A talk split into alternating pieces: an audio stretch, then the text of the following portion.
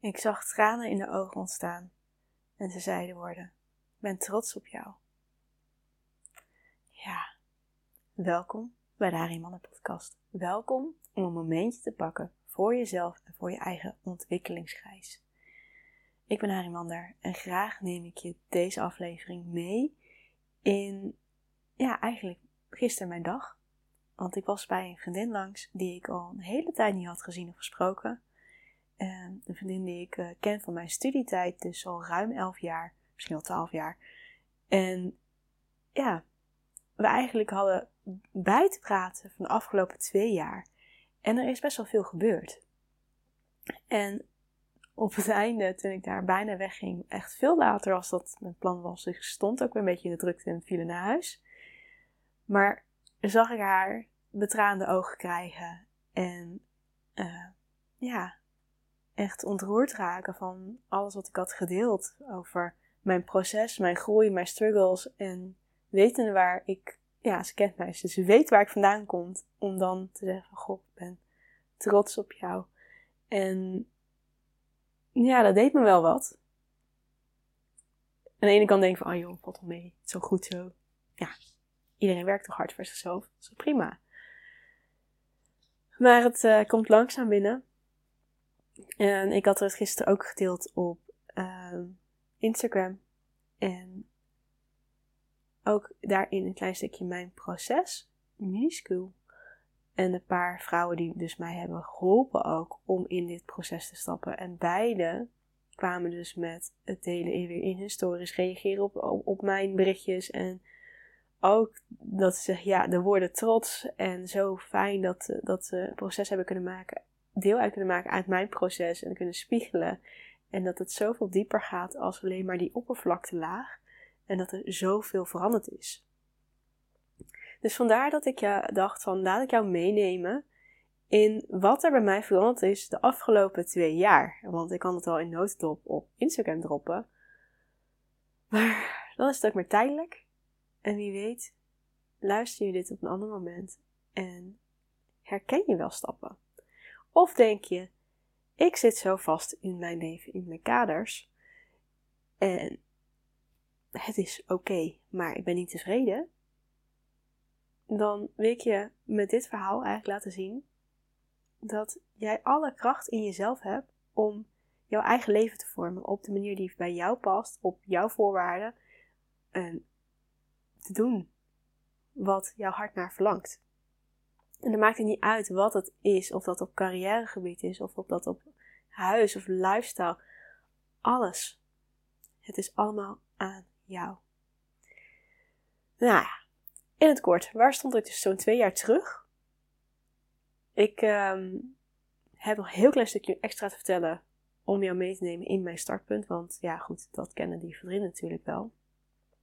Ik ben opgegroeid als enorme pleaser. Ik heb uh, verschillende jeugdtrauma's. Uh, ik heb een pittige jeugd gehad.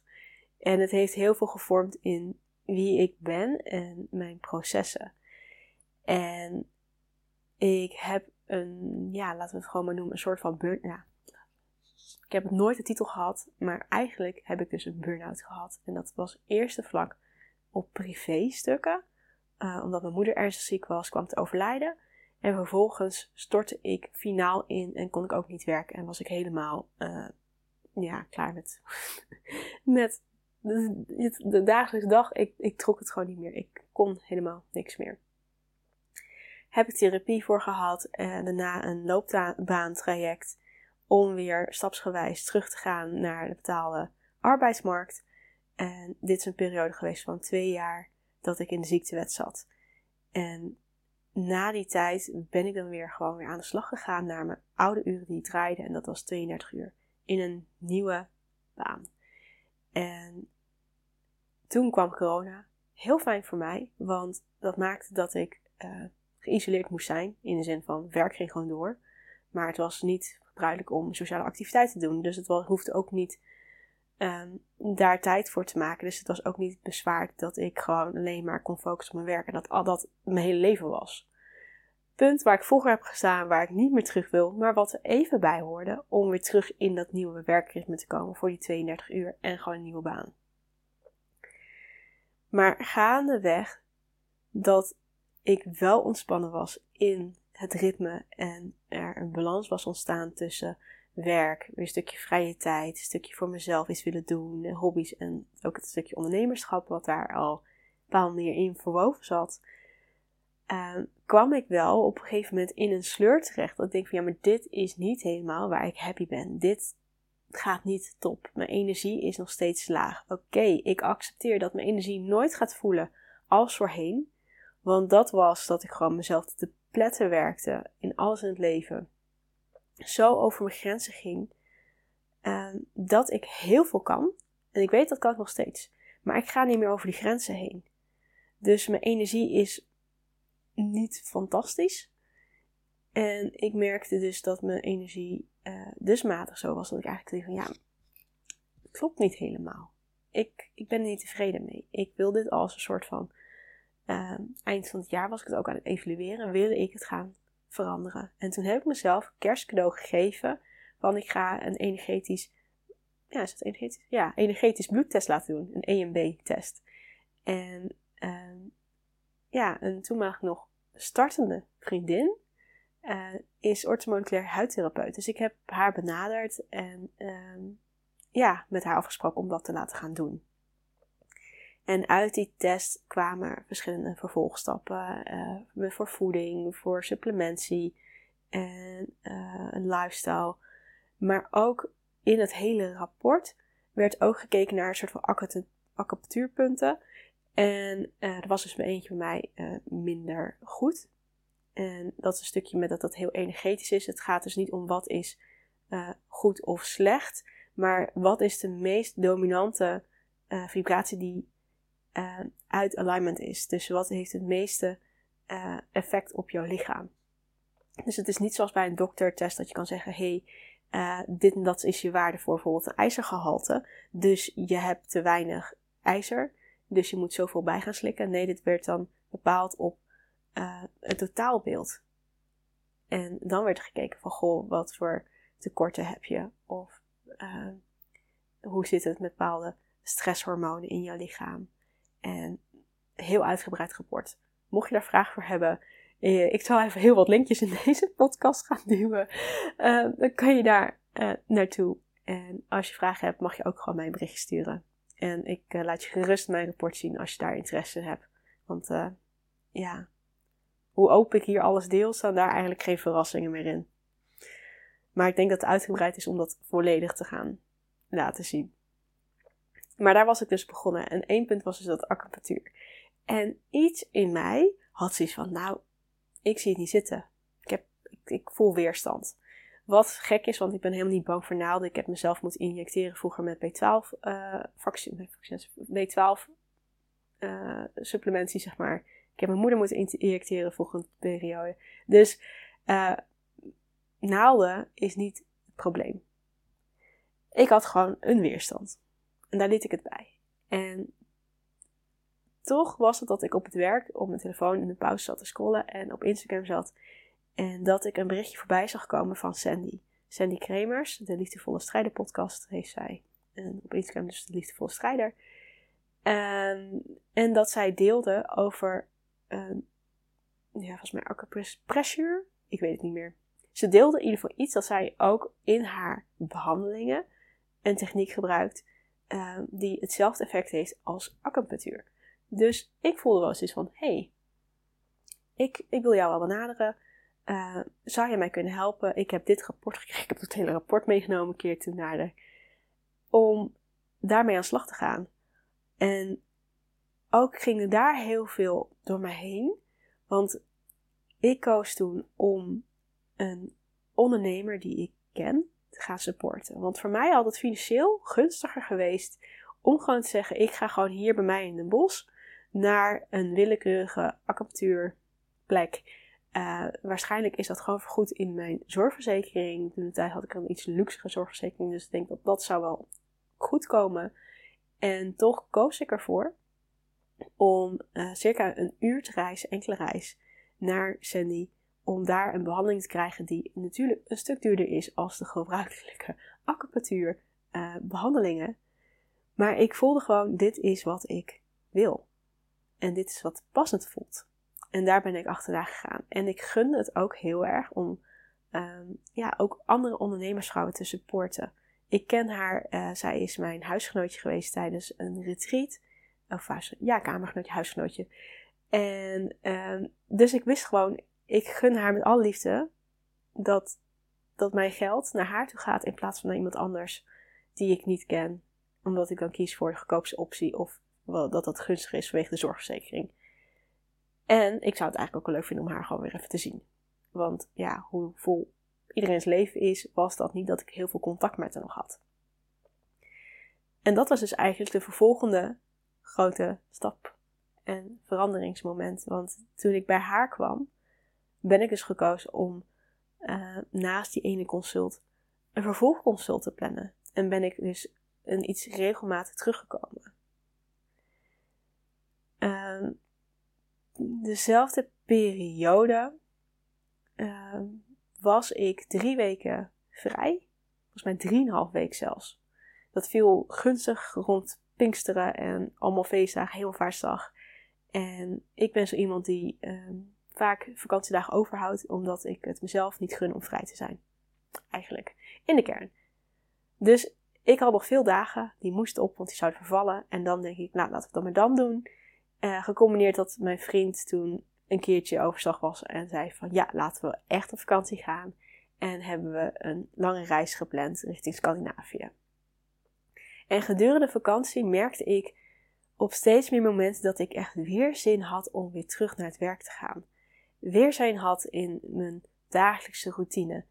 En dat ik merkte van het zit hem vooral in het stukje werk.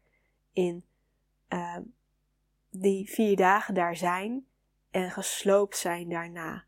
Uh, ik ben degene die als eerste thuis is. Ik ben degene die uh, zorgt voor het koken. En ik merk gewoon dat mijn energie dusdanig laag begint te zijn en steeds meer niet balans. Dat ik ook geen zin meer had om te koken. Dat ik uh, sociale activiteiten ook steeds meer buiten de deur aan het houden was. Omdat ik gewoon de weekenden en op mijn vrije woensdag ja, vrij had te zijn voor mezelf. En dat ook nog eens in de weg stond met het idee van: goh, maar ik op een gegeven moment heb ik het verlangen om een eigen onderneming te starten. Dus vanuit daar had ik zoiets van: ja, maar dit, dit werkt zo niet. Het, het kan gewoon niet zoals het nu is. En ook, ook toen was er een moment dat ik zoiets had van: ik wil het, het ja, met mijn leeftijd en de fase waar we nu in zijn, is het ook dat je gaat overwegen van, goh, zou je graag kinderen willen? En op dat moment voelde ik me zo niet in balans, dat ik zei van, nee, maar al zou het wel willen, ik kan het nu niet. Ik kan het gewoon nu niet. Ik heb zo niet mijn eigen, eigen leven in balans. Als daar een kind bij komt, zit ik in een burn-out weer. Dit kan gewoon niet. Dit werkt niet. Ik kan nog niet die keuze voor mezelf maken of die verlangen er is, of die wens er is, omdat het gewoon te veel weer op, op survival modus aan het werken ben, aan het leven ben. En dat herken ik. En daar wil ik niet meer naar terug. Want ik weet hoe het was om tig uur te werken, lang te reizen, doodop te zijn en ja, daarin in problemen komen. En het ergste wat bij mij is gebeurd, is dat ik niet lekker was, toch ben gaan werken, toch mijn hele dag heb gemaakt. En op de terugweg in de auto naar huis, vlak bij huis, in slaap ben gevallen. Achter het stuur. En dat ga ik gewoon nooit meer doen. Dat is zo gevaarlijk. En ik ben dus zo over mijn eigen grenzen gegaan dat hoe ik ook dus de ander tekort laat of teleurstel, ik ga niet meer dat risico nemen. Het is veel te gevaarlijk voor mezelf en voor mijn omgeving. Ik kan dat gewoon niet doen. Dus ik voelde dat ik die kant op aan het bewegen was. En ik dat dat, dat moet stoppen. En ik had heel erg het idee dat als ik op mijn werk zou aangeven van ik wil minder werken, dat ze zouden zeggen dat kan niet. Want toen ik daar uh, begon, heb ik gevraagd naar het minste aantal uren. Ook vanwege mijn achtergrond, wat hun niet weten. Maar het werd gezegd 32 uur. Dus ik ben ingestapt met 32 uur. Dus ik ging ervan uit dat het is 32 uur of niks. En ik had wel de massa dat we hadden een nieuwe leidinggevende. En toen ik dus open kaarten met haar speelde met dat ik terugkom naar die belasting, naar mezelf. Dat ik het stuk ook met het kinderidee. Dat ik zo niet in balans ben. Dat er iets moet veranderen. En ik was dus eigenlijk al voorbereid op dat, dat het niet anders kan dan dat ik ontslag heb in te dienen. En ik was heel erg verbaasd.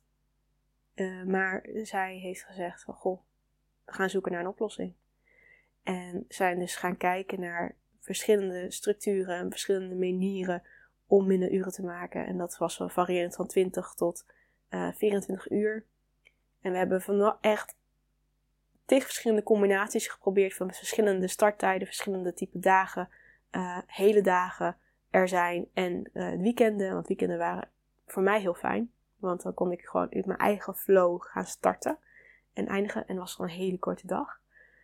Um, en uiteindelijk kwam het erop neer dat ik daar vier dagen in de week, mijn gewone dagen er was, maar maar zes uur op een dag in plaats van de acht uur. Uh, wat betekende dat ik zeven uur van huis was. En dat ik um, in de ochtend gewoon een uurtje langer had. En een uur eerder naar huis. Waar, waarbij ik zoveel meer rust had. Dat ik gewoon lekker weer kon gaan koken. En dat gewoon zo fijn voelde. Dus daar waren we heel lang mee bezig. Zo dat is dus eigenlijk de hele zomerperiode voor mij geweest. En dat ging gewoon lekker. En dat ging een stuk fijner.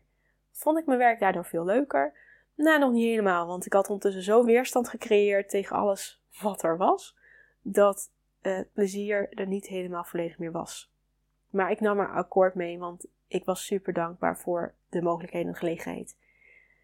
En tegelijkertijd was er nog steeds dat verlangen van, dat verlangen van, is gewoon meer. Ik wil gewoon meer voldoening halen uit dit leven. En wat ik nu doe, is het er niet. Ondanks dat het een heel duurzaam uh, heeft voor het bedrijf en dat het uh, goed voor het milieu is in grotere schaal uh, met voedsel is. Dus ik support heel veel van de ja, grondbeginselen, maar in de praktijk vond ik mijn draai er niet in. En ja, dat zorgde dat ik die voldoening er niet helemaal uit haalde. En tegelijkertijd was er ook nog het stuk dat ik heel erg aan het zoeken was van oké, wat wil ik zelf? En um, ik ben op retreat geweest het jaar daarvoor, dus waarvan ik Sandy ken. Uh, Dutch retreat van Kim Munnekom. En dat het tegen mij werd gezegd, door de groep als het ware, ja, moet coach worden. En dat viel een beetje op mijn rauwe dakje, want ik denk van, hoezo moet ik coach worden? Ik uh, kon daar helemaal niks mee. Het voelde voor mij een beetje alsof een waarzegster dat had gezegd. Ik zag het niet. Ik zag het niet. Dus ik had wel die tijd nodig om dat iets meer in te stappen. En daarin kreeg ik ook wel uh, reacties van mijn omgeving. Uh, juist ging ik op gaan letten van, hey, hoe zit ik met communicatie? Hoe, um, hoe ben ik er voor anderen? Wat voor vragen stellen hun mij? Dus ik was daar onbewust, en deels bewust eigenlijk ook wel, mee bezig. En ik had dus ook wel wat opleidingen bekeken. En ik was ook bezig met het idee, hey, stapsubsidie, hey, interessant. Um, en ik merkte dus dat ik ook een keertje een gratis opleiding had kunnen doen voor effectief communiceren. Want ik denk, ja, als ik coach moet worden, moet ik wel goed kunnen communiceren. Niet zoals ik nu ben. En daarin, ja, uh, had ik die stap en had ik dus de eerste keer het gezien dat ik het gratis kon deelnemen. Ik weet niet wat voor gekke actie dat was. En omdat ik dus zo aan het stuntende was met mezelf en het weer aan het uitstellen was en aan het twijfelen. En toen ik de keuze had gemaakt, was die optie weg. Maar toen kwam wel de stapsubsidie. Dus ik denk, zou ik dat dan willen doen? Maar ga ik al vrij vragen om een loterij mee te doen voor die stapsubsidie? Nee. Dat vond ik niet de moeite waard. En ik had ook nog een andere opleiding gezien um, voor holistisch coach. Maar dat leek precies van, ik moet eerst gewoon goed kunnen communiceren voordat ik ga coachen. Dus dat, zat gewoon een ladder in. En toen was het september. En dan kreeg ik voor het eerst corona. En ik lag doodziek op bed. Ik kon helemaal niks. En ik was een manier zwaar ongelukkig. Maar aan de andere kant was ik ook helemaal relaxed. En was het rust. Dus fysiek had ik pijn.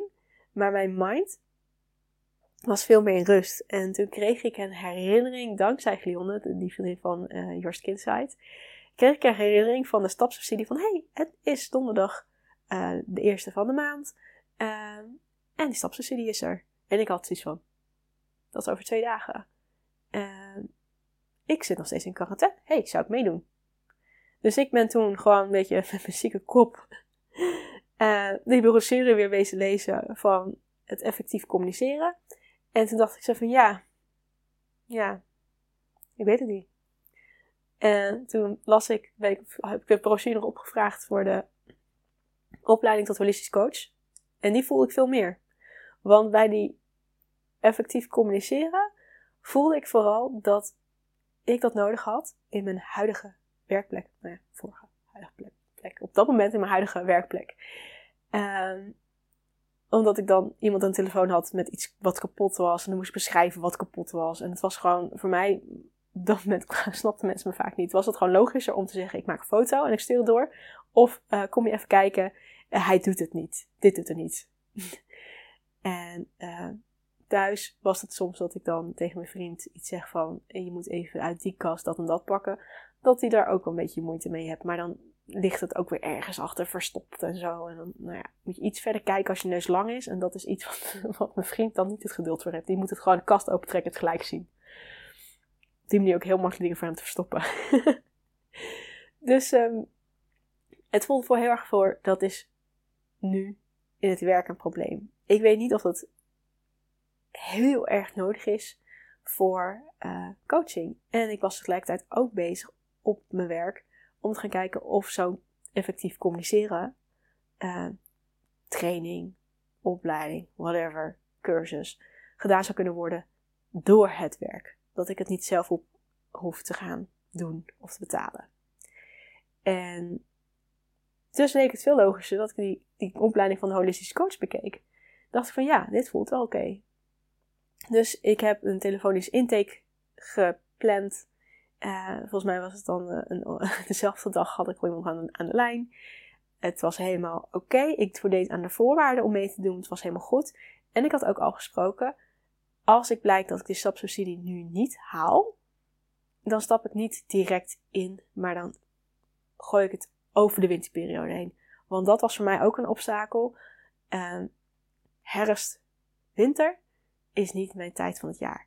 Uh, eigenlijk begin ik uh, ja, in november al heel erg veel af te tellen. En kom ik in een soort van winterblues al als vanaf kind af aan. Maar van, ja, mijn ervaring toen was dus ook heel erg um, dat ik heel erg rondom het ziekteproces en de dood van mijn moeder heen aan het leven was.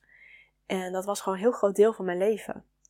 Dus dat maakte gewoon dat ik zoiets had van, ja maar ik zit dan niet lekker in mijn vel, ik zit, ben waarschijnlijk een beetje depressief, dan ga ik niet een opleiding doen. Uit mezelf. Uh, weet je, als ik die stapsubsidie haal, dan zou ik wel moeten beginnen. Maar dan denk ik van, als dat zo is, dan is het zo. En dat is het ook de bedoeling. En ik kreeg nog allemaal extra instructies hoe ik het beste die stapsubsidie kon aanvragen en doen. En nou, ik was daar heel erg mee geholpen. En eigenlijk was ik gewoon heel relaxed. Ik wist gewoon, ik ga die stapsubsidie krijgen. Terwijl ik gewoon met mijn zieke kop daar op dat bed geïsoleerd lag. Ik lag echt opgesloten ook. Heel naar.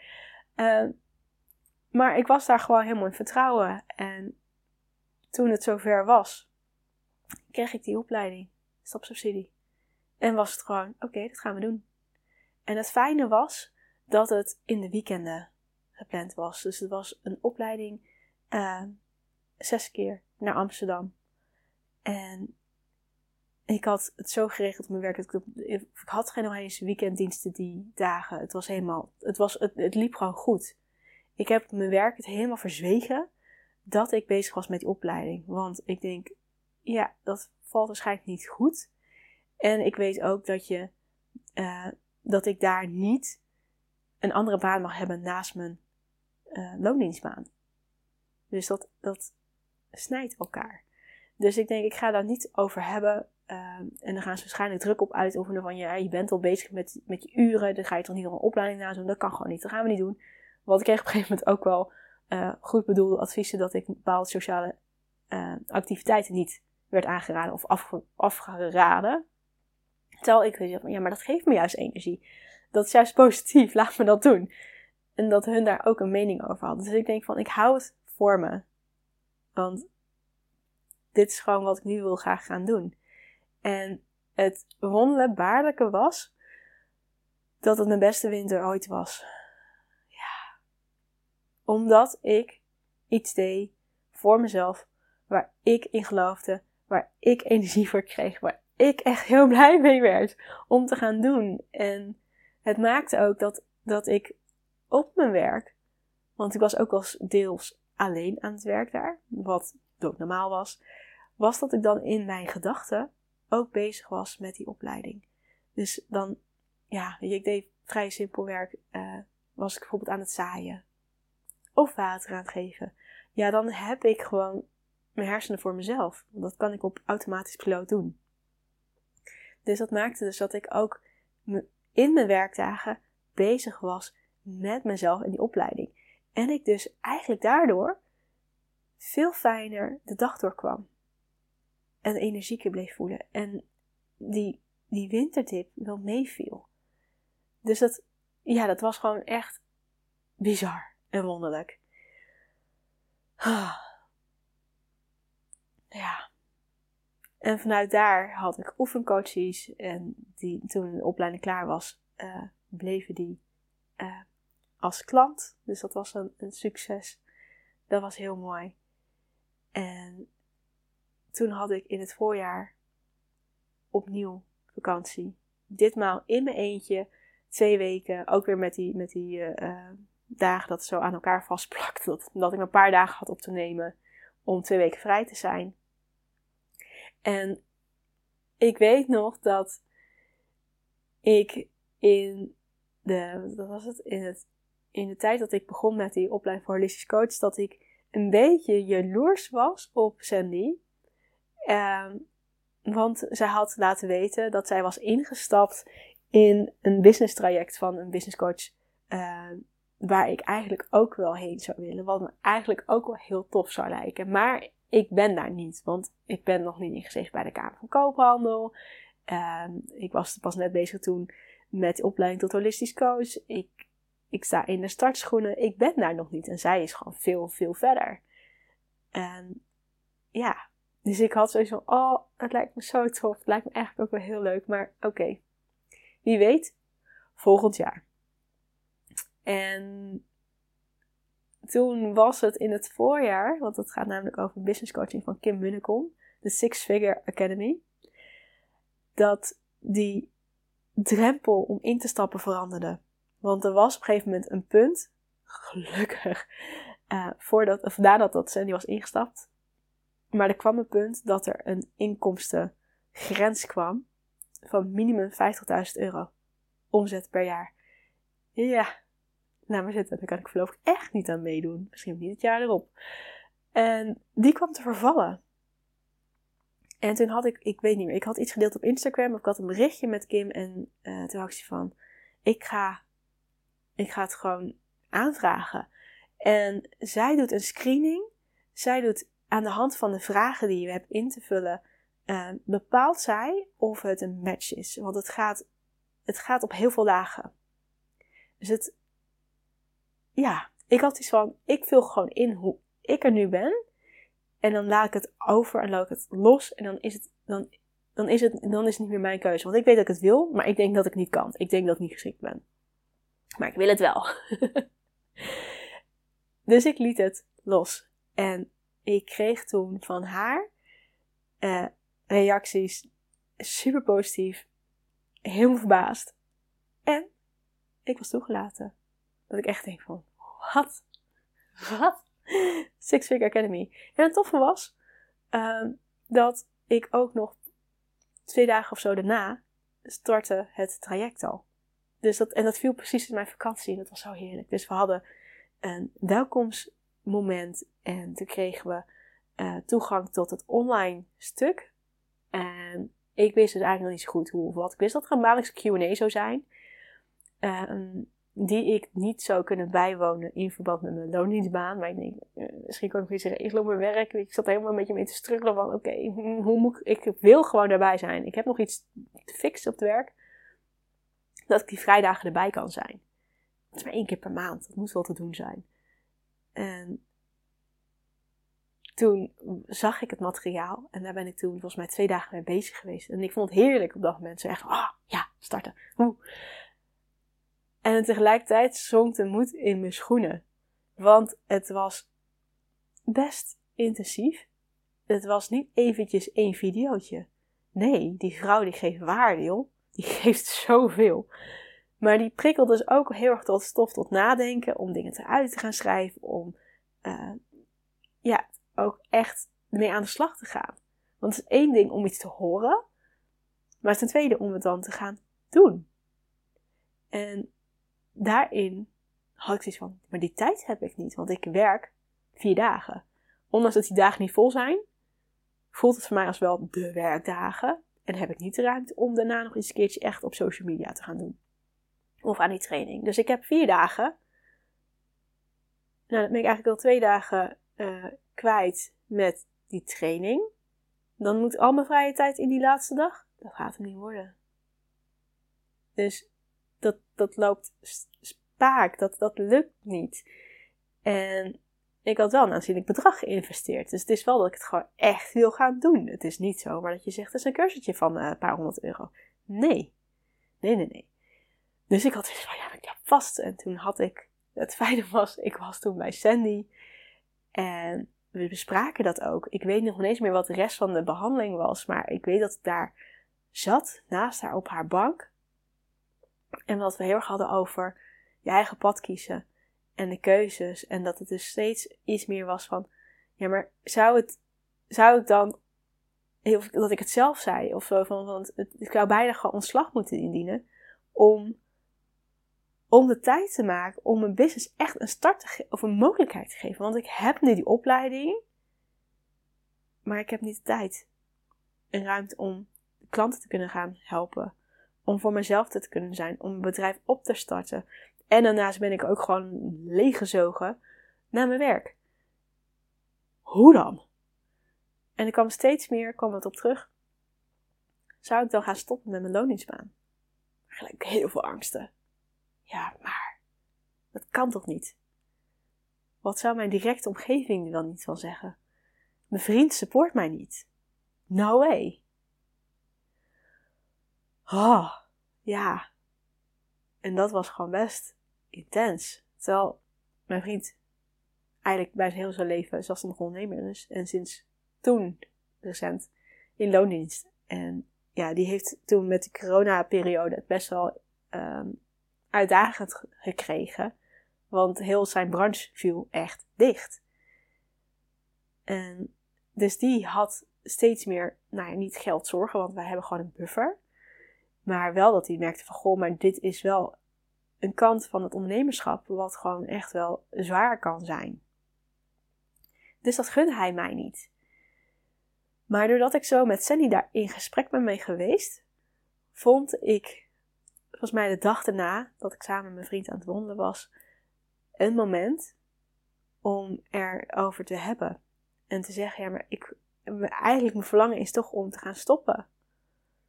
Om dit een kans te geven. En ik, ik heb spaargeld.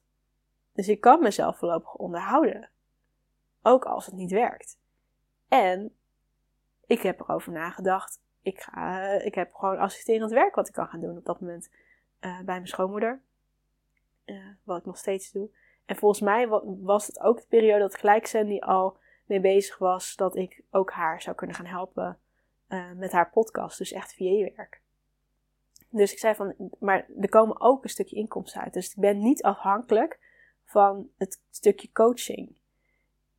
En ja, mijn vriend is daar heel relaxed in omgegaan. En hij heeft zijn zorgen geuit. En het grote afspraak die we hebben gemaakt is dat ik een bepaald bedrag vasthoud op mijn spaarrekening, uh, dat ik niet al mijn spaargeld ga opeten. Nou, dat zou ik sowieso niet doen, maar dat was wel voor hem dat hij zei van kader het. En hij adviseerde mij om gewoon dan zaterdag een, baantje, een zaterdagbaantje te nemen. Ook al ben ik, ja, hoe oud was ik toen?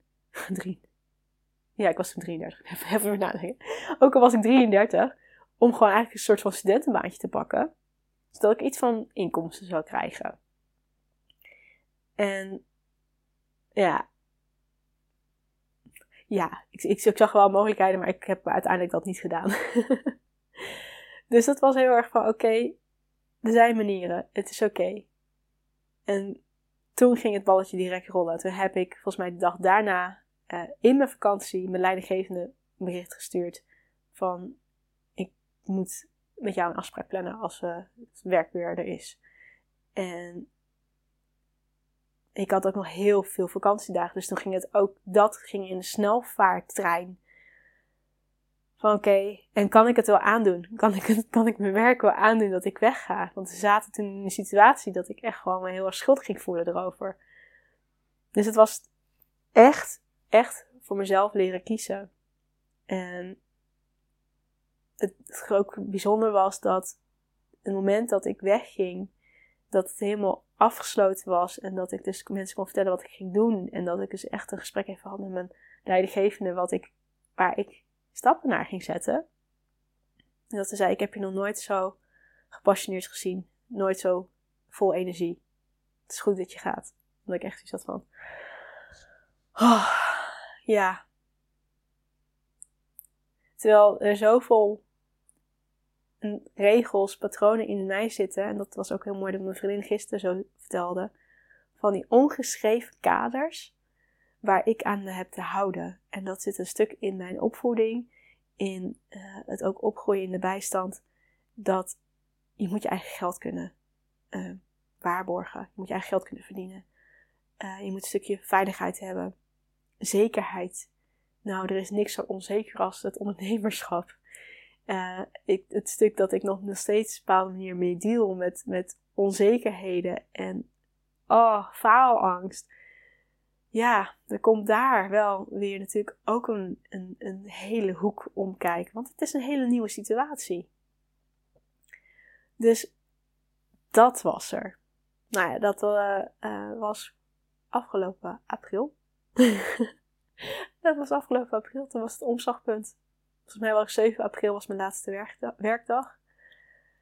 En uh, volgens mij 1 april mijn eerste dag dat ik ingeschreven sta op de KVK. Al was ik iets later daar langs. Uh, ja. Toen begon het. En toen was er nog steeds heel veel onrust. En als ik nu terugkeek, want ik heb laatst ook teruggekeken naar een paar filmpjes van mij toen op Instagram. De eerste versies van een podcast dat zijn Instagram lives uh, geweest. En dat ik terugkijk en ik zag denk oh, maar ik zie er wel heel veel luchtiger uit. Maar ik ben nog wel keihard aan het werken. Oh, vergeleken met nu ben ik heel stuk relaxer. Dus dat was interessant om te zien. En tegelijkertijd merkte ik dus in die periode dat ik merkte van ja, maar ik heb de tools, ik heb de kennis, ik heb strategieën vanuit de business coaching. Maar nog steeds stagneer ik. En ik stagneer op mijn eigen uh, overtuigingen over mijn belemmerende patronen. En toen heb ik er ook voor gekozen, of was het al iets ervoor, ik weet niet meer. Maar toen ben ik ingestapt met Sandy om, ja, in plaats van gewone sessies, om een extra pakket heb ik toegekocht. Met uh, uh, live dagen. Dus dan was je daar een hele dag. En die hebben wel heel veel getransformeerd. En ben ik veel meer in contact gekomen met mijn zijn en met mijn voelen en met verschillende kindstelen. Um, gecombineerd met dat ik in september mee ben geweest naar Spanje. Um, een week met haar samen ben geweest en met een groep andere vrouwen. En het was zo, zo magisch. Dus daar heb ik onwijs veel uitgeleerd. En als je dan kijkt naar de groei, heb ik um, een maand geleden de eerste groepsretreat georganiseerd. Dan wel samen met die twee ondernemers die ik hier ook al noemde. Met die ondernemersvriendinnen. Uh, ja, onwijs gaaf. mega spannend.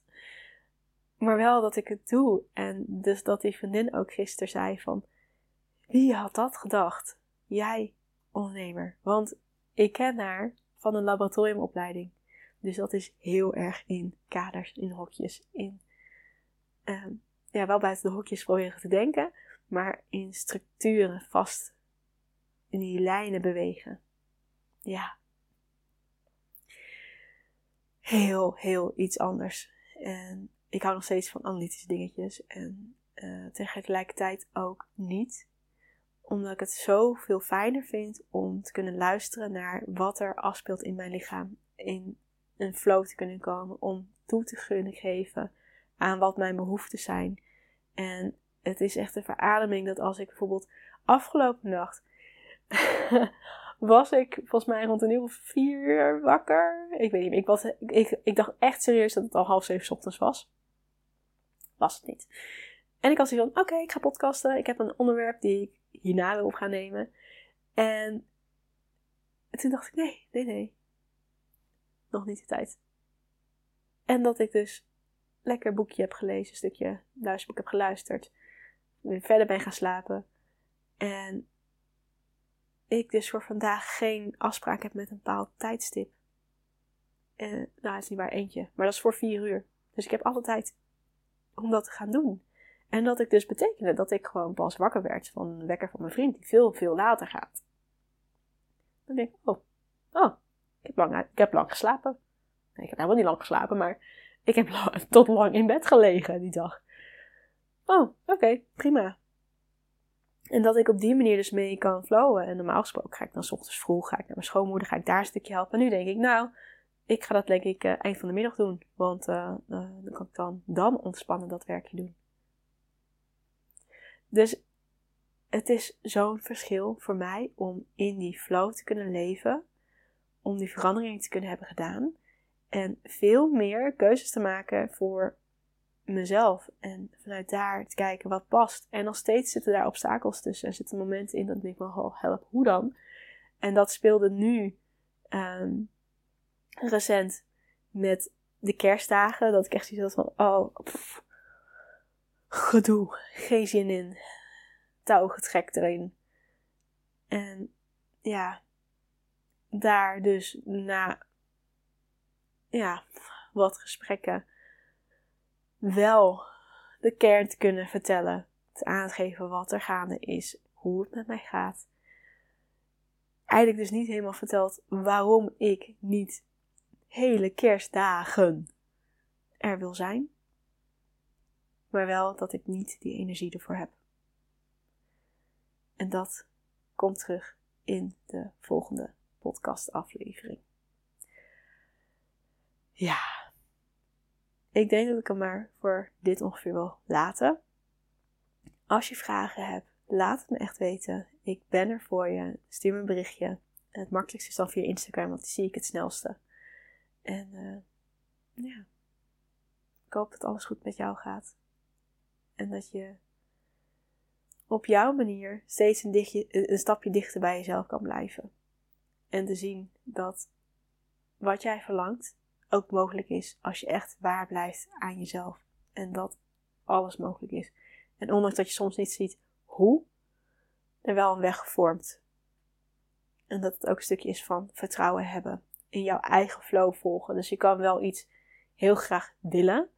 Maar als je het niet gelooft, dan komt het ook niet helemaal in balans. Dus het is echt wel het, het volgen van je gevoel daarin. En echt wat je in je kern voelt, dus intuïtie. En ik ben heel benieuwd hoe dat voor je uitpakt als je steeds meer daarna leert luisteren. En steeds meer vanuit daar gaat leven. Hoe verandert jouw leven om jou heen? Hoe verandert de relatie met de andere mensen om jou heen? En hoe ervaar jij dan geluk? Hmm. Oké, heel veel liefs en graag tot de volgende aflevering. Oké, doei doei!